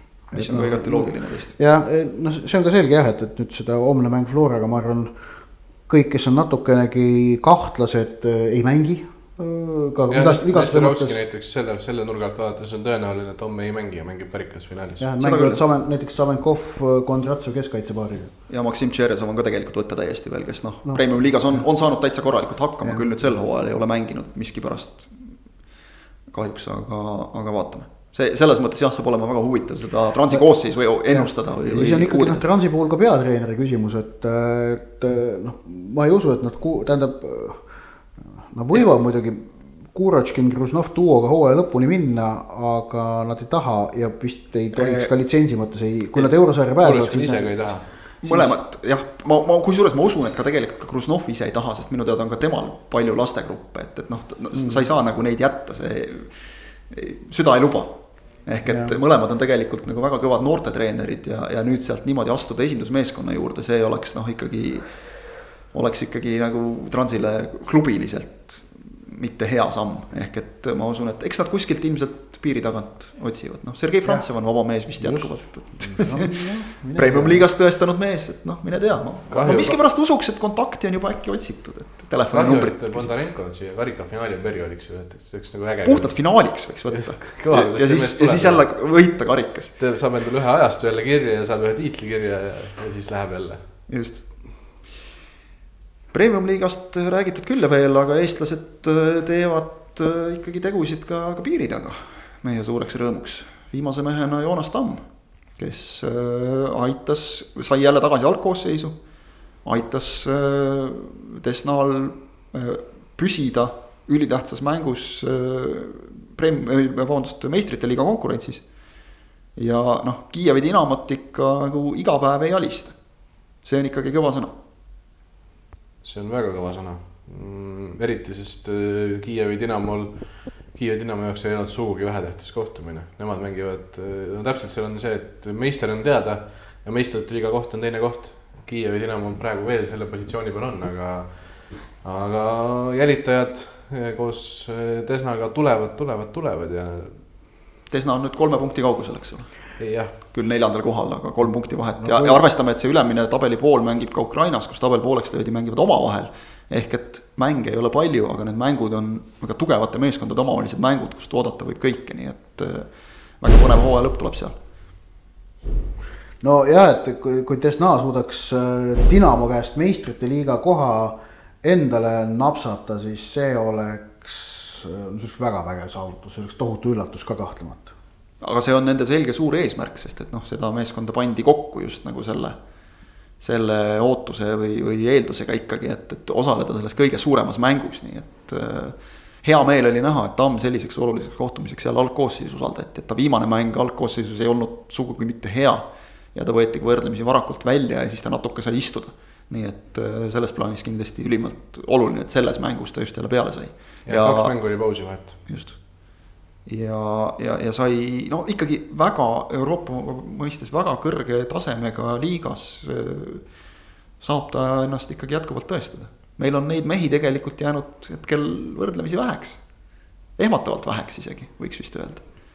ja keda, keda, kes ei ole hästi selle Tamme tegemistega kursis seal Ukrainas, siis Desna on väikse linna klubi, kus Tamm on ainus välismaalane, mis on Just. nagu selline päris huvitav, aga nagu punk ja äge, äge sündmus või ka kahtlemata, et nagu meie mees on just see ainus, kes välja valitu. jah, ikka midagi see ikkagi näitab. ja kes tegelikult enne need, seda viimast kahte ja poolt mängu, kus ta ei teinud kaasa, oli stabiilne üheksakümne minuti mees ja nüüd on jälle, tundub. sest et noh, Ukrainas me teame, et on, tuuakse lademetes brasiillasi tihtipeale, kui tahetakse välismaalasi ja, ja muid selliseid mehi, et on meeldiv, et, et proovitakse nii-öelda omadega, pluss siis meie mees aga üks, üks meie mees, kes ka tegelikult mängib ikkagi korralikul tasemel mängu, kellel paraku nüüd läks viimane mäng aia taha, on Karol Mets kahjuks, et. Eh, keskkaitse saatus, sa võid tegelikult teha korraliku mängu, aga mäletama jäädakse seda su kaheksakümne üheksanda minuti viga, millest tuli vastastele penalti ja viigivärav Malmö vastu.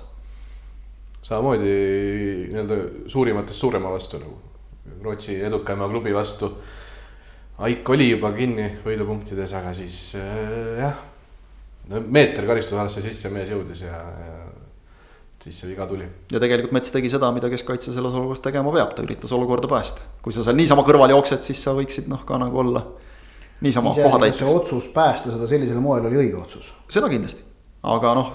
ma, ei pea siis, ma ei pea siis silmas seda, et vea tegemist, vaid seda üldse, et kas ta pidi sinna äh, sellesse olukorda niimoodi viskuma, et, et seal äkki oleks äh, tasunud loota sellele, et väravaht jõuab äh, olukorda elimineerima. aga noh, jah, selliseid eksimusi keskkaitsjatel tuleb ette ja kriitika, mis seejärel osaks saab, on, äh, on karm ja otsekohene ja noh, eks, eks Mets seda, ma usun, tänastes Rootsi lehtedes saab korralikult. ja, ja ma usun, et samas on ta iseenda kõige suurem kriitik ka, nii et, et ta, ma arvan. Mets küll on vist, Mets, nii palju, kui me Metsa tunneme, siis. jah, et, et siis noh ei ole, ei ole nagu jälle põdemise kohta õppida ja edasi ega muud. põdemise kohta on meie nendel armeenlastel natukene, kellel kipub nagu kuidagi seal kehvasti minema ootamatult nii Ilja Antonovil kui, kui Nikita Baranovil, aga. aga seal on sama asi, et et. et, et kuigi Ararat Armeenia tundub, et üritab peaaegu juba käes olnud tiitlit maha mängida ja Alaskert jälle omakorda eurosarja kohta, eks ole, vist maha mängida, siis jällegi seal on veel mõni mäng minna ja, ja kuna samamoodi tabel on pooleks, ülemine ots mängib omavahel, siis.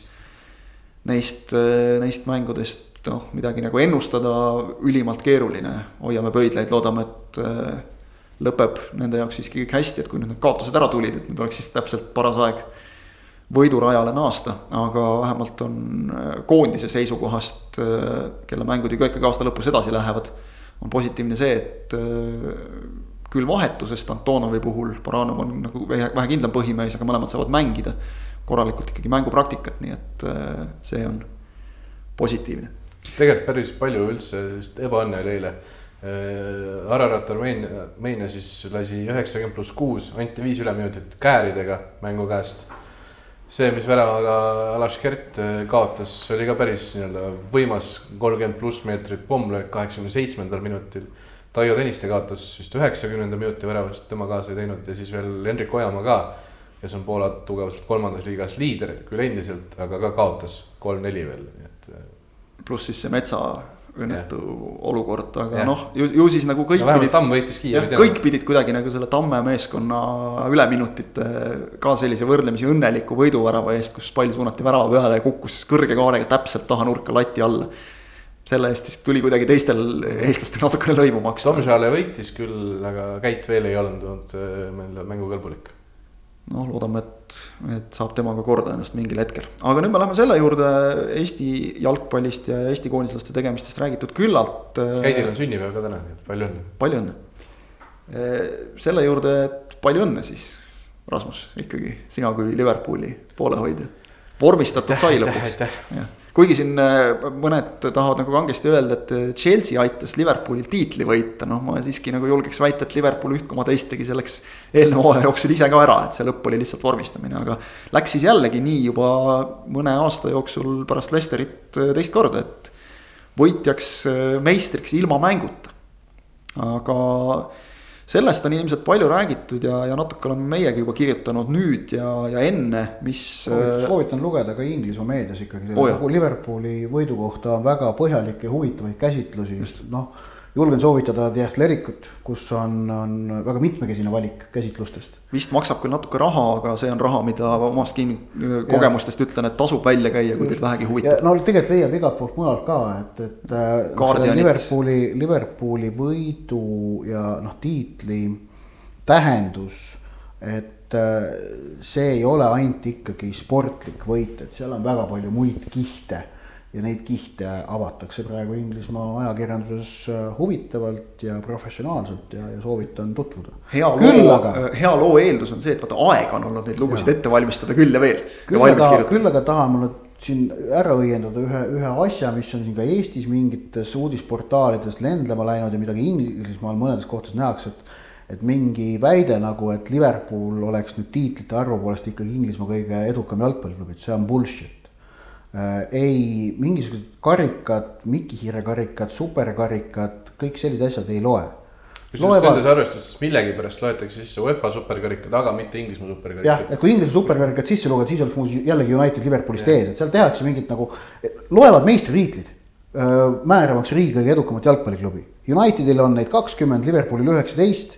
tõenäosus, et Viik lähiajal jalule saab, on on arvestatav, aga praeguse seisuga seda ei ole. Euroopas on Inglismaa kõige edukam olnud Liverpool, aga Inglismaa kõige edukam jalgpalliklubi on praeguse seisuga Manchester United. et äh, mingid Liverpooli toetajad on, on mul punkris ka seal selle osas midagi jorisenud, et äh, noh, see on kui tähendab tavaliselt ütleks selle kohta kehv kaotaja, nüüd tuleb öelda kehv võitja vist või. et noh, leppige nüüd aja, ajalooliste paratamatustega on ju. no minu jaoks on nagu alati olnud see, et, et miks me ei võiks lihtsalt jääda selle juurde, et ühel klubil on rohkem Inglismaa meistritiitleid, teisel on rohkem meistrite liiga võite.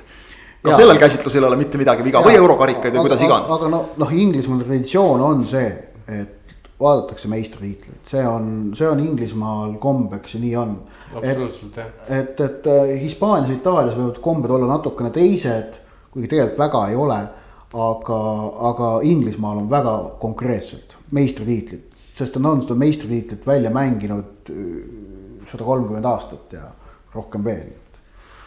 sellest, tähtis. jah, sellest, mis olnud, sellest oleme rääkinud, aga et Liverpooli puhul nüüd tegelikult põhiküsimus on mitte see, kuidas siia jõuti, seda on nagu kõik juba näinud ja tegelikult noh, oli ju selge, et eelmise hooaja järel, et kui lollusi ei tehta.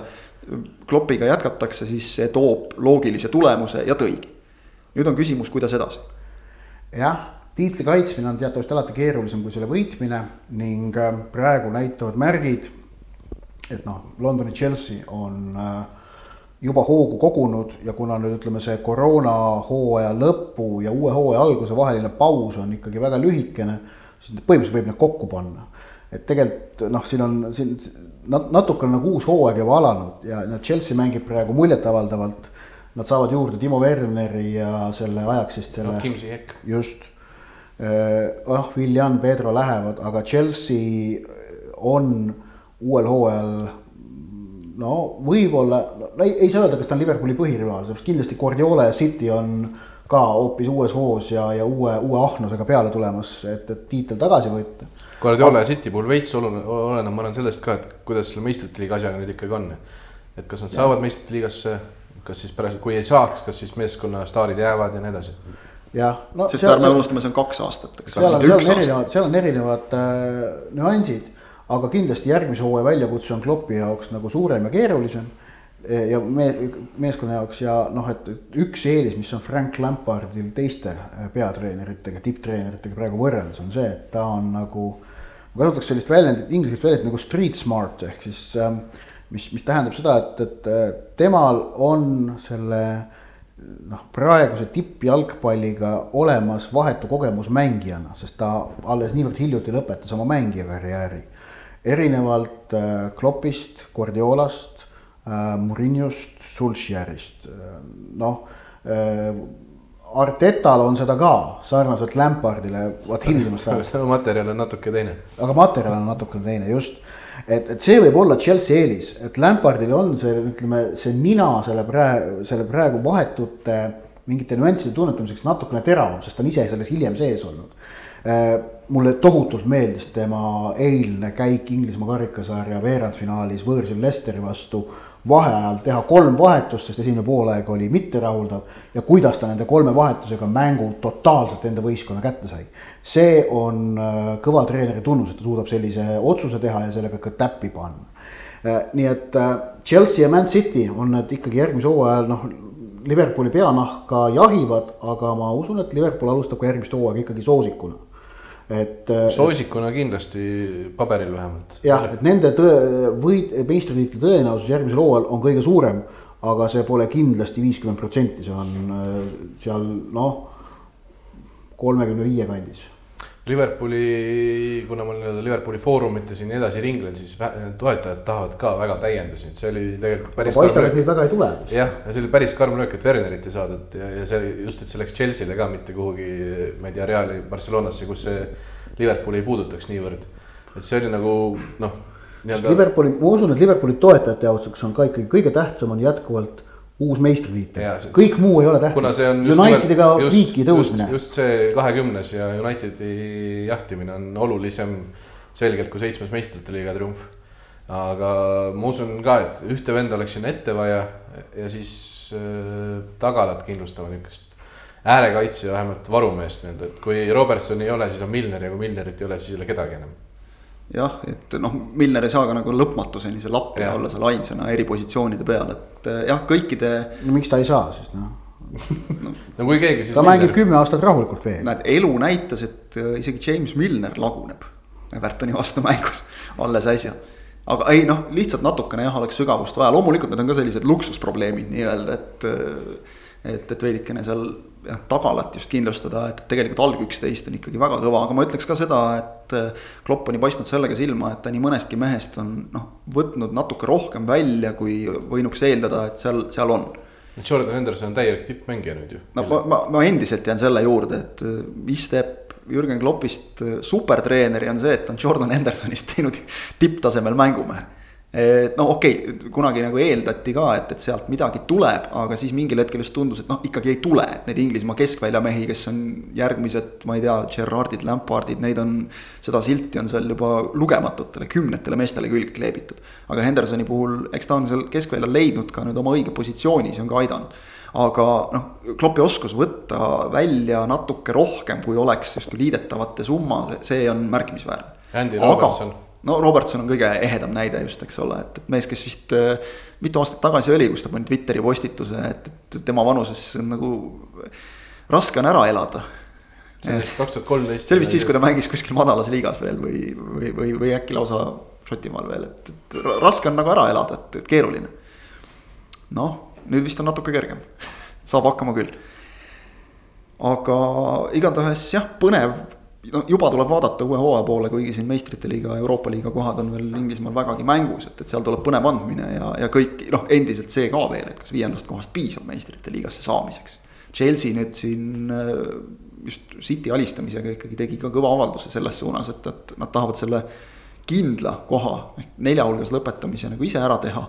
pigem tundub, et sealt võib Leicester tulla teistele selge ees vastu, aga, aga noh, see, see veel paistab teistes liigades äh, noh, Barcelona nagu ise siin mingil hetkel ütles, et meie rääkisime, et neil hakkab kehvemini minema ja on hakanud ka, ehk et. Äh, Real kipub vaikselt eest ära libisema, nüüd ikkagi kuidagi Barcelonal löövad välja need, needsamad probleemid, mida tegelikult ei lapi peatreeneri vahetusega, vaid mis on natuke põhjalikumad. ütleme järgmised aasta-kaks vast näitavad, kas, kas põlvkonnavahetusega on tõesti niivõrd hiljaks jäädud või, või on see taktika, et äh, prooviks nendest praegustest veel maksimumi paari-kolme aastaga välja pigistada ja siis teha täieliku uuenduse. äkki on see õige, raske seda öelda, muidugi seal ei ole ka läbi veel asjad. Äh, läbi sai Bundesliga, Bundesligas noh, sisuliselt suuremad asjad olid kõik selged, võib-olla nii palju, et Werder tõstis ennast, Bremeni Werder tõstis ennast viimase vooruga ikkagi tagant kolmandale kohale, mis lubab neil minna üleminekumängudele ehk ikkagi Bundesliga kohta päästma. mitte ei kukkunud otse välja ja noh, loomulikult ikkagi HSV saavutus esiliigas on märkimisväärne, et mängus, kus sa tead, et sulle piisab viigist selleks, et saada kolmas koht. mis viiks su üleminekumängudele, sa mängid kodus, sa mängid meeskonnaga, kellel ei ole mitte midagi mängus ja sa saad selle mängu üks-kuus peksa. üks-viis. üks-viis, vabandust jah no,, üks-viis peksa, no vahet ei ole, sa saad peksa selle mängu. sina ja numbrid. jah mina ja numbrid tõesti ei ole täna see teema. aga, aga sa saad selle mängu tappa lihtsalt, noh vist äh, Hamburgi meeskonnal oli natuke õnne, et publikut ei ole tribüünil, sest et nad oleksid elusalt ära söödud lihtsalt. teist aastat järjest neljas koht ja jällegi Bundesliga-st eemal. see on ikka noh, päris, päris karm sellise ajalooga klubile kes kindlasti leiab, et nende noh, vaieldamatu koht on Bundesliga, mitte esiliiga. vähemalt saab ka järgmisel hooajal Hamburgi derbit näha, sest äh, nad on mõlemad St Pauliga jätkuvalt äh, teises Bundesliga. jah, see on positiivne äh, ja siis Itaalias Juventus, kes korra juba tundus, et lähebki eest ära, kui, kui poolajaks oli ka. oli korraks vahe vist isegi viimases voorus siis seitse punkti juba aga seal ikkagi. Äh, oli seitse jah. jah, seitse, eks ole, oli poolajaks minu meelest. Riberi lõi kahekümne viiendal jah, ja kuuekümne seitsmendal Immobile vastu selles. Just, ja, ja noh, siis natukene tehti seal. no Laatsio püsib mängus. Laatsiole kingitus, Laatsio püsib mängus, vahe on neli punkti ja, ja minna on kümme vooru, nii et, et noh, seal Riberil, Riberil lõi nagu see välja vist, et ta on harjunud eluaeg Bayernis mängides sellega, et üks klubi peab igal aastal võitma ja siis ta üritas ka endast anda kõike, et jälle üks klubi igal aastal võidaks, aga ei tulnud välja seekord. et Inter on, Inter on Juventus kaheksa punkti kaugusel, seda on juba keerulisem tagasi teha, aga, aga no ka mitte täiesti võimatu. jah, mitte võimatu, aga, aga. aga Juventus on ka heas hoos ikkagi, nii et. just, seal, seal peaks juba hakkama jah, Juventus komistama, mida nad ei ole teinud, kuigi nad tegelikult. ma ei ütleks, et nad nii palju, kui ma nende mänge olen näinud, üldse hästi mängiks. aga võtavad kolme punkti kogu aeg. Neil on Dybala, kes paneb palli vahepeal ristnurka lihtsalt vasakule. no sellest on abi tavaliselt jah. Äh, me oleme vist oma välismaa ülevaatele ringi peale saanud. Äh, lõpetame tänase saate tavapärase rubriigiga ehk et olid ajad, olid mehed ja nüüd on see koht, kus ma peaks panema taustaks mingisuguse pinina käima. kahe tuhande kümnenda aasta MM-ist rääkimiseks, aga me vist ei hakka lugejaid vuvuzeelad jäid kõigil koju ka, et me ei hakka aga, lugejaid piinama sellega. aga mina ütlen ausalt, mind see vuvuzeela ei häirinud.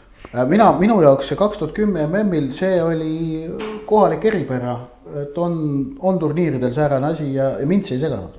Seal on vist see konks ka, et äh, igasugused sellised asjad häirivad sind äh, selle võrra rohkem, mille võrra sa räägid sellest ise kogu aeg. Ja kui sa kor-, korrutad nagu endale ka, et see on jube tüütu ja nii ei saa mängu vaadata, siis ei saagi. ja, ja see häirib ka siis, kui sinu lemmikvõistkonnal läheb äh, kehvasti see teatavasti, siis sa hakkad otsima kõikvõimalikke erinevaid äh, põhjuseid. kommentaatoril loll, keegi puhus pasunat kuskil ja nii edasi. kuna tollel turniiril ju ütleme noh, kahe, kaks suurfavoriiti sõitsid väga varakult koju.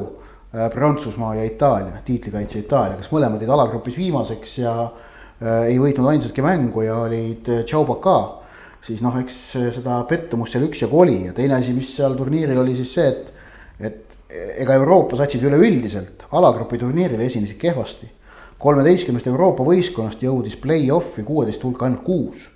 Äh, samas kui Lõuna-Ameerika tegi viiest viis, kõik viis Lõuna-Ameerika satsi läksid edasi. Ähm, et, et see nagu turniir algas Euroopa jaoks selles mõttes äh, kurjakuulutavalt, aga lõppes muidugi lõpuks jällegi igati hästi, sellepärast et nendest kuuest edasi jõudnud satsist kolm omakorda mängisid ka poolfinaalis ja finaal oli, oli ainult Euroopa vaheline asi ja pronksi mängus Saksamaa võitis Uruguay'd on ju. et, et noh, see nagu see turniir oli ikkagi jällegi Euroopa turniir ähm,. ma siinkohal, et olid ajad, olid mehed, siis ma pean ikkagi iseendast ka rääkima sellepärast, et tolle turniiri eel tegin äh, ühes kihlveokontoris panuse koefitsiendiga sada koma null. et turniiri parimaks mängiks valitakse Diego Forlan ja see panus tuli koju see panus mitu eurot me panime sinna siis? no toona ei olnud veel euroaeg, oli veel krooni aeg ja kahjuks oli see, see summa oli väga väike, millest ma õppisin ka seda, et edaspidi isegi selliseid pullipanuseid tehes peab panus olema piisavalt korralik, et võidust mõnu tunda.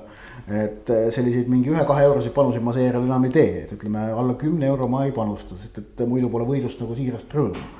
vot, aga, ja sellest turniirist siis noh, üks, üks üks kandev narratiiv, millest peab rääkima, on ikkagi Aafrika jalgpall, sellepärast et see oli Aafrika mm.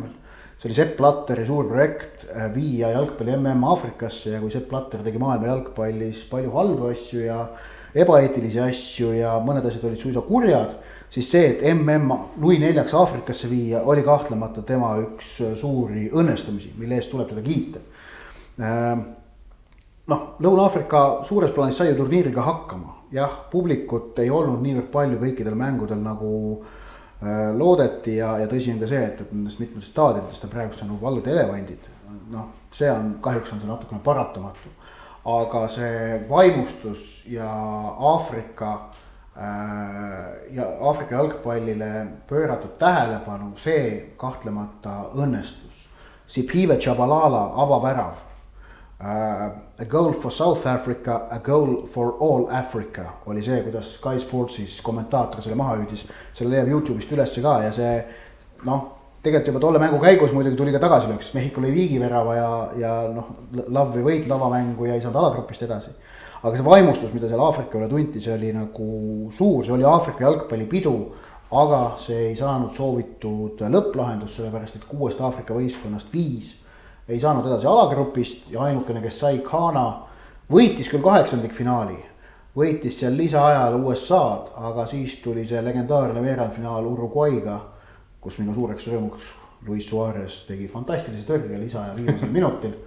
Äh, päästis sellega kodumaa, mitte midagi ebasportlikku selles ei olnud, see oli lihtsalt osa mängust.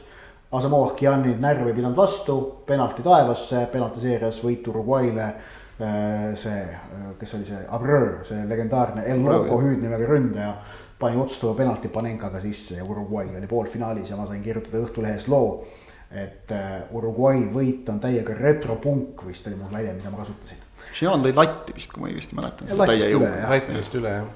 täie jõuga aga jah, ma mäletan, et see oli tohutuid vaidlusi muidugi põhjustas see Suarez'e temp seal et äh, ma, ma mäletan, see jõudis välja selliste absurdsusteni osade inimeste poolt, et umbes, et äh, peaks, kuna pall oleks läinud niikuinii väravasse, siis sellistes olukordades peaks hakkama karistama seda äh, noh, sellega, et värav loetakse ära, kui sa tõrjud käelt, käega joonelt. toodi analoogia rugby'ga, et rugby's teatavasti on selline asi olemas nagu penalty try et rugby's on ju see skoor, mis annab viis punkti võistkonnale, on try, see on see, viid palli sinna värava tagusse alasse aga kohtunik, kui sa selle värava ala joone lähistel, noh, pidevalt rikud määruseid, siis kohtunik võib otsustada penalty try, viis punkti vastasele.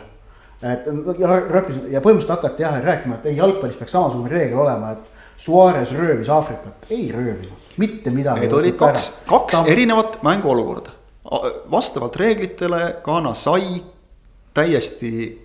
Õige võimaluse mäng ära otsustada, nii see käibki täpselt. sõltumata sellest, kas käega mängitakse sul karistusala nurgas või joone peal, kus iganes. sul on võimalus lüüa penaltit, seda näevad ette jalgpallireeglid, sellise ühe juhuse pärast Gian oleks pidanud penalti sisse lööma, keegi meist ei räägiks sellest. niimoodi Suarez tegi täpselt seda, mida ta pidi tegema, sellises olukorras peabki niimoodi jalgpallur käituma. alles nägime instinktiivne reaktsioon Fernandinholt, Man City ja Chelsea mängus. Suarez muidugi, ma lugesin pärast tema raamatut mõned aastad hiljem, kus ta kirjeldas seda olukorda, siis seal käi-, noh, rääkis samamoodi, et see oli instinktiivne ja enda kodumaa kaitseks ja nii edasi aga seal muidugi tuli välja ka selline Eht, Eht Suarez, et kuna seal oli üks teine vastane, üks teine oma mängija ka juures, kellel oli juba kollane all. kes oleks niikuinii juba järgmise mängu vahele jätnud, siis ta ah. proovis mängida, et tema tegi, et see teine vend tegi, et mina olen süütu, et tema niikuinii poolfinaalis mängida ei saa. et no, mina proovin ikka pääseda. seegi käib asja juurde. nojah, aga, aga ühesõnaga, et selles ei olnud mitte mingit sohki või valet. loomulikult tundus ta tohutult ebaõiglane, aga mis siis. kusjuures tohutu, äh, see oli, see oli nagu tohutu surve, mis pandi inglisekeelse ajakirjanduse pealt seal peale äh, nii Uruguay'le, nii Suarezile, ka Fifale, et see on skandaal, et Aafrikalt võeti niimoodi ära ajalooline koht poolfinaalis. Aafrika oli ise selles süüdi, et nad sinna poolfinaali ei saanud löö penalt sisse ja oled poolfinaalis, noh. löö see penalti sisse ja löö siis seerias järgmised penaltid sisse. mis iganes jah. Need, ma mäletan, need olid. selles, et Aafrika olid... jalgpall pole kunagi poolfinaali jõudnud MM-il on ikkagi süüdi Aafrika jalgpalli ja. korraldamatus ja halb organiseeritus. ja, ja, ja Ghanal mul oleks väga hea meel, kui nad jõuaksid. mälu järgi Ghanal need, need olid noh, okei okay,, muidugi nad olid selgelt löödud sellest asjade käigust ja, ja vaimselt omadega laiali, aga need olid lihtsalt ka väga halvad penaltid, mida nad seal seerias lõid. noh, nii tihti juhtub, aga mis teha, nii juhtub. alles me ju rääkisime siin, eks ole, turniirist, kus Türgi ja Horvaatia mängus äh, ka horvaadid tundsid ennast juba võitjana lisaajal, siis löödi neile ikkagi vastu ja siis nad penaltiseerias olid häda ja viletsus, see on loomulik me jõudsime nüüd juba veerandfinaalide juurde, aga tegelikult on muidugi väga tähtis jalgpalli ajaloo mõttes mainida ka kaheksandikfinaali Saksamaa, Inglismaa. sest just tolles mängus see Frank Lampardi peallöök, mis käis üle joone, Uruguay kohtunikud olid muuseas tollel mängul äh,. aga mida väravaks ei loetud, mis oleks teinud seisud kaks, kaks, see on ikkagi otsene põhjus, miks juba kaks tuhat neliteist MM-il oli meil väravajal tehnoloogia et see, see oli see, mis ajendas tegelikult toonast FIFA presidenti Sepp Blatterit ja FIFA juhtkonda meelemuutusele ja mõeldi ümber ja väravjoone tehnoloogia kaks tuhat neliteist oli olemas. kuivõrd see tuli ju ka üliolulisel hetkel, Saksamaa oli läinud kaks-null äh, ette. viis minutit pärast Podolski, viis minutit pärast Podolski väravat, Matthew Upson lõi kaks-üks ja kaks minutit pärast Upsoni väravat tuli see Lampardi pomm kaugelt, mis tõesti oli noh, meetri jagu sees, aga muidugi üks äh, kuna sellest nüüd just, see oli kahekümne seitsmendal juunil ehk. Äh, üleeile. üleeile ja sellest sai just tehtud ka Sokkerneti no meelelahutuslikku äh, rubriiki Ristnurka. väike meenutus, siis äh, vaatasin just seda videot, sellest Lampardi väravast, nii-öelda fantoomväravast. ja sellele järgneb üks episood, mis on minu meelest jäänud tähelepanuta kergelt. Manuel Neuer, kes võttis selle palli, vaatas, ahah, selge, midagi ei ole ja viskas selle no sisuliselt natuke liialdane kuskile vastase karistusala piiri peale käega. see kuidagi kõik need asjad kokku jällegi loovad sellise narratiivi, ilma milleta jalg, me jalgpall ilmselt oleks, oleks vaesem, inglastele muidugi kõva pauk. paljud inglased on ka rääkinud, et noh, seal rööviti neilt see koht, ei, Saksamaa oli ikkagi selles mängus parem selgelt. väga selgelt jah. aga, ja noh, Inglismaa tegi halva mängu. võistkond teatavasti ei pea alati võitma ja kui see värav oleks ära võetud, siis inglastel on võimalik kaheksa hulka minna küll, aga. kui nad oleksid. hoopis sakslased ja kütsid seal Argentiinale neli-null on ju. just, kui nad oleksid tulnud sealt kahe minutiga kaks-kahe peale, see oleks kindlasti andnud tohutu ja. paugu juurde. see oli see mäng, kus Diego Maradona laiutas käsi küljejoone taga, kui see äh, Saksamaa Argentiina neli-null. minu meelest küll jah see no, oli ka ülesõit selline ikkagi. ja poolfinaalides oli siis see, et, et noh, Hispaania mängis Saksamaa jälle üle nagu kaks aastat tagasi EM-i finaalis äh, sedapuhku siis jälle noh, jällegi üks-null väravat ei löönud Torres, vaid vist lõi äh, David Villa minu meelest. Villa jah. ja, ja noh, Holland oli Uruguay'st oma poolfinaalis äh, kolm-kaks üle, noh Uruguay'l ikkagi Suarezest oli selge puudus. jaa, oli, oli. ja noh, pronksimäng oli suht nagu selline meh, nagu ikka aga finaal on, on siis legendaarne, sest et noh, kung-fu või sokker Nigel de Jongi Kung Fu, Casillas. osatuses. ja seal oli see, et, et selle finaali puhul mul on meeles väga selgelt, kuidas ikkagi mingisugused ähm, Hollandi fännid, Jaan Martinson näiteks äh,, ei suutnud leppida sellega, et, et noh, et äh, ei suutnud omaks võtta seda, et Holland mängis seda mängu, finaalmängu rõvedalt ja jõhkralt et no Juhan Cruyff ütles selle nagu ausalt välja, et, et äh, selles mõttes nagu noh, mis ei ole ka muidugi üllatus, Cruyff ütlebki asju otse, ütleski asju otse välja. Aga jah, et, et prooviti leida, et näe, aga kohtunik tegi seal ikkagi ju Hollandile ka mingit liiga. seal äh, noh, veebil õnnestus ikka väga, no te ongi asi, tal jäi nägemata ju ta oleks andnud punase ära, kui ta oleks seda nagu otseselt näinud. minu meelest ta on öelnud ka seda, et ta oleks andnud kindlasti. jäi nägemata, tuli kollane, aga noh, tegelikult oli see, et Holland oleks võinud selles mängus juba mingi vist esimesel poolel üheksakesi platsil olla mm, -hmm. seal nagu, kui otsida no,. Hollandis lõpetas ju alg.... see, et Hispaania tolle mängu võitis, see oli väga-väga õiglane, sest Holland jõhkrutses seda. Hollandi, Hollandi algkoosseisu meestest. mis jällegi ei tähenda, oota ma segan, vabandust jälle vahele, mis jällegi tähendab, et sa ei võiks rõvedalt mängides võita ja maailmameistriks tulla, muidugi võib Äh, aga see ei tähenda, et kellelegi peaks see meeldima. just, sa valisid selle taktika, ega tegelikult Hollandis hiljem ka Bert van Marwiki kiruti kõvasti, et noh, see ei ole Hollandi jalgpall, see ja.. Nad on harjunud selle romantilise Cruyffi ajastu totaalse ja, jalgpalliga ja sellega, et, et nii ei tohiks mängida. jah, neli aastat hiljem Van Haliga mängiti palju nagu meeldivamat jalgpalli. noh, tänaseks me teame, Holland on naasnud selle juurde, eks ole, et neid on ilus vaadata. mängitakse veel ilusamalt. esteetilist esteetiliselt ilusad, aga ja selles edukat. oli just ka edukat. aga kui sa jõudsid MM-il finaali, no järelikult ikkagi mingi edu sul ju oli, aga ma vaatan tõesti, et ilma kollase kaardita pääsesid äh, väravavaht Martin Stekelenburg algkoosseisu meestest ja siis Wesley Snyder ja Dirk Kuyt. kõik ja. teised korjasid endale kollase ära ja, ja Johnny Heitinga kaks tükki, mis tegelikult lõpuks sai ka otsustavaks. Sest et saja üheksandal minutil Heitinga sai teise kollase ja saja kuueteistkümnendal Iniesta lõi ära. no see oli väga hea, et Iniesta ära lõi Äh, see Hispaania võit äh, ei olnud, see oli esiteks oli see õiglane võit selles mõttes, et noh, et äh, Hispaania oli tolle turniiri parim võistkond. aga see oli ka noh, ütleme selline märgilise tähendusega tähtis, et, et Hispaania sai oma MM-tiitli kätte. Ta oli viimane Euroopa tippriik viiest suurriigist jalgpallis, kes polnud maailmameistriks tulnud prantslastel oli olemas äh, tolleks hetkeks juba kaksteist aastat tiitel, noh, inglased, itaallased, sakslased veel, veel varemgi. et Hispaania sai selle kätte ja noh, see Hispaania jalgpalli toonase selle koolkonna mõju tervele maailma jalgpallile oli sedavõrd suur, et kahtlemata see kõik vääris seda MM-tiitlit ja noh, nad siis veel suutsid ka sinna veel kolmanda suurturniiri otsa võita kaks aastat hiljem, mis on teatavasti maailma jalgpallis pretsedenditu. ja kes selle turniiri karakterid olid, no kindlasti Forlan oli üks Furlan oli. Schneider, Schneideri paneksin sinna mm.. Endal tuleb esimesena Forlan. Forlan tuleb kõigile esimesena ilmselt. kohe, kohe ikka päris selgelt esimesena. Toomas Müller tuli selle turniiriga maailma tippjalgpalli hulka ja Sill ka.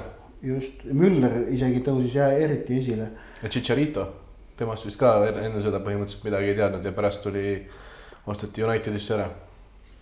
jah, nagu ikka mm on just, just sellistest äh noh, ma ei tea, kas Mehhikut saab nimetada nagu keskmiseks jalgpalliriigiks, aga vist ikka saab, ta ei ole päris tipp, ta on sealt natukene allpool, et, et selliste riikide mängijatel just ikkagi MM-id on need säramise kohad. see turniir oli üks esimesi kohti, kus siis algas Tšiili tõus, mis päädis siis kahe Lõuna-Ameerika meistritiitliga kaks tuhat viisteist, kaks tuhat kuusteist, et siis nad kaotasid kaheksandikfinaalis Brasiiliale üks-kolm, aga, aga muidu juba liikusid tõusutrendil, on ju. Van Bronckhorsti värav oli ka kaks tuhat kümme või? see imevärav. jah, mälu järgi küll. ja see vist oli veerand finaal. kas see poolfinaal äkki isegi või? ja poolfinaal. poolfinaalis just. just, just, et äh,. aga noh, kui ma vaatan, vaatan siin nagu seda turniiri koosseisu, siis äh, Casillas, Ramos, Puyol, Iniesta, Xavi, Via, peatreener Del Bosque ikkagi noh, niivõrd Hispaania turniir, kui veel olla saab ründajatest muidugi Forlan, poolkaitsjatest äh, Schweinsteiger ja Snyder. Ja kaitsjatest äh, Philipp Laam ja Maicon. kaks asja veel, millest tahaks rääkida, on kaks laulu. Waving Flag ja Waka Waka. no Waka Waka on legendaarne. Waving Flag on ka ikka üsna, üsnagi no yeah.. sisuliselt oli jah, sellel, sellel turniiril nii-öelda kaks sellist hümni. üks Waving Flag oli Coca-Cola oma vist, aga. nojah, klassika. aga muidugi. aga, aga mõlemad olid õnneks nagu noh, piisavalt. ma ei taha nüüd öelda, et äh, pean just Vaka Vakat ennekõike silmas, et see nüüd oleks nagu hea lugu, aga toimib. ta sobis nii-öelda. toimib, selliseks suur, suurturniiri hümniks öö, hea lugu ja, ja noh, see on see, et, et see Vaka Vaka on selle, selle noh, vaatame siin mõned saated tagasi kiitsime Campionet. kahe tuhandenda aasta EM-i seda noh, hümni või teemalaulu, mis on jäänud püsima ja mida mm, -hmm. mida nüüd siin minu arust Liverpool laulis ka või? No kõik laulavad seda meistriks tulles, kusjuures ilmselt teadmata, et see fraas on sellest loost sageli. just, aga, aga Vaka Vaka on ka selline, mis on ikkagi väga-väga pikalt püsima jäänud ja sümboliseerib, tõsi, aga Vaka Vaka sümboliseerib minu jaoks Aafrika jalgpalli Äh, tervikuna. et ma kaks aastat tagasi MM-il, kui, kui Senegal pani Poolale ära ja ma Spartaki staadionil ise seda kohtumist kajastasin Postimehes. Ma panin pealkirja vist mingi sellise, et Senegal vaka-vakatas Poola ära või midagi sellist, on ju. ja noh, sest et see oli minu jaoks just see, võttis kokku see fraas vaka-vaka selle, kuidas Aafrikas mängitakse lõbusat jalgpalli, mida Senegal mm -hmm. tolles mängus harrastas. absoluutselt et see laul läheb nagu selle aafrikaliku jalgpalliga kokku ja see on just selle Sahara taguse Aafrikaga, Musta Aafrikaga. Shakira seos jalgpalliga on suurem kui ainult Gerard Piquet abikaasa olemine. just, kõvasti suurem. Ega midagi, meie saade on tundi. saanud päris pikk seekord. tegime poolteist tundi ära. vast ikka no.. ja noh, see, ma arvan, teil on ainult rõõm sellest, on mida kuulata. saate Pärnusse sõita mõnusasti. saate Pärnusse edasigi natukene juba aitäh, Ott, aitäh, Rasmus. tõmbame tänasele saatele joone alla. Äh, nädala pärast loodetavasti jälle teiega, nii et äh, püsige Soker.net lainel. kohtume jälle